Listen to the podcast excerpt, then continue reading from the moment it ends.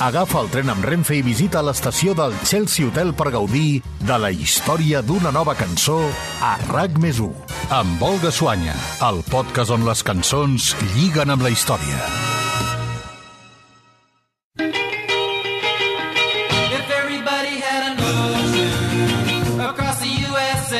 Fàcilment reconeixibles per les seves harmonies vocals, els Beach Boys van ser el grup més representatiu de l'estil de vida californià dels 60. Les seves cançons ens transporten a un paisatge càlid de platges plenes de joves bronzejats enfilats damunt una taula de surf resseguint onades per la costa del Pacífic. I, sens dubte, el tema que millor recull tot aquest imaginari és Surfing USA, la cançó que es convertiria en el primer gran èxit d'aquesta formació i que és el protagonista d'aquest episodi del podcast del Chelsea Hotel. And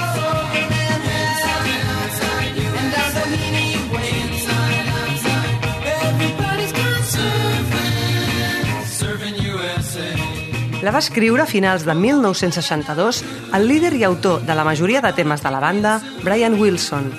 En aquella època, el cantant sortia amb una noia que tenia un germà molt aficionat al surf i va pensar que podia ser una bona idea fer una cançó que tractés sobre aquest esport i els principals enclavaments del país on es podia practicar. Wilson va demanar al noi una llista amb el nom de diferents llocs coneguts per aquesta activitat i a partir d'aquesta relació va compondre la lletra com si fos una guia de bons llocs on surfejar recorrent tota la costa oest.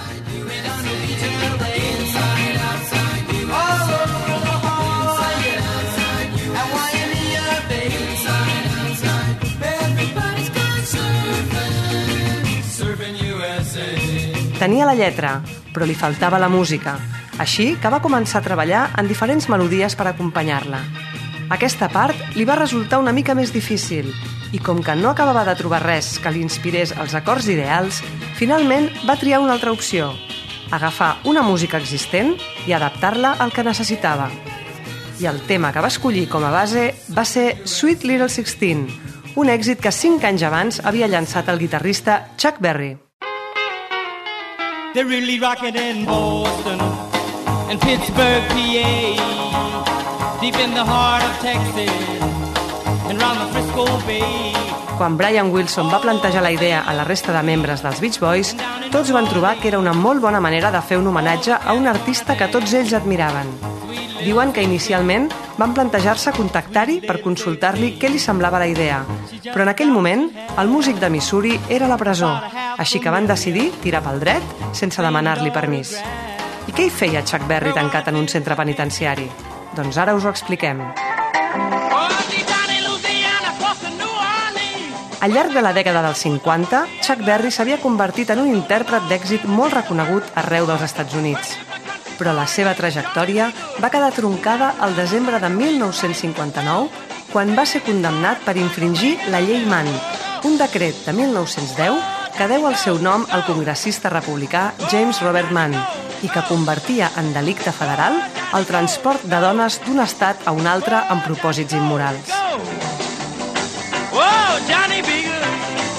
En una de les seves gires, Berry havia conegut a Texas una noia Apache, procedent d'Arizona, a qui va oferir feina com a cambrera al Chuck Berry's Club Bandstand, un local nocturn que ell mateix havia fundat i on s'admetia l'entrada a clients sense segregar-los pel color de la seva pell.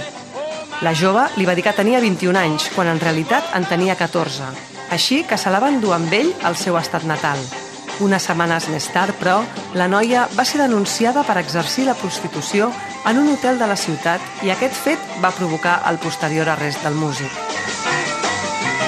El guitarrista el van condemnar a 5 anys de presó, dels quals en va complir 3, i el pagament d'una multa de 5.000 dòlars.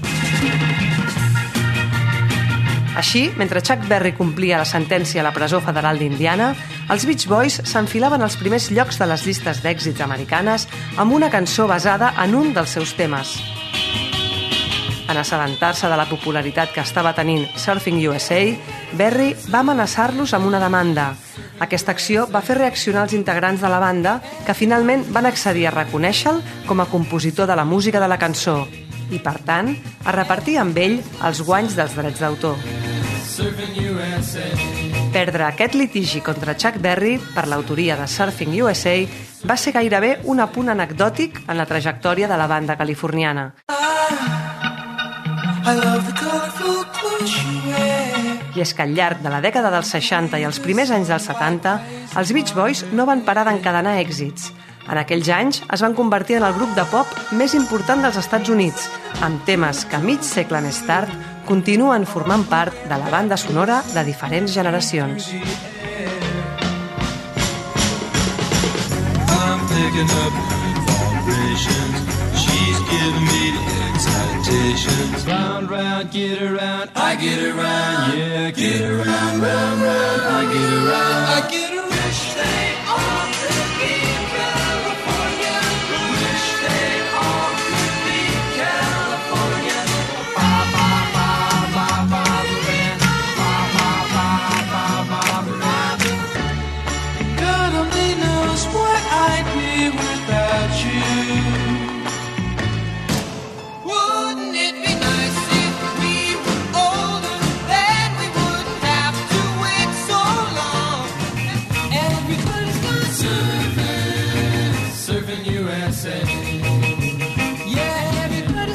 Everybody's USA.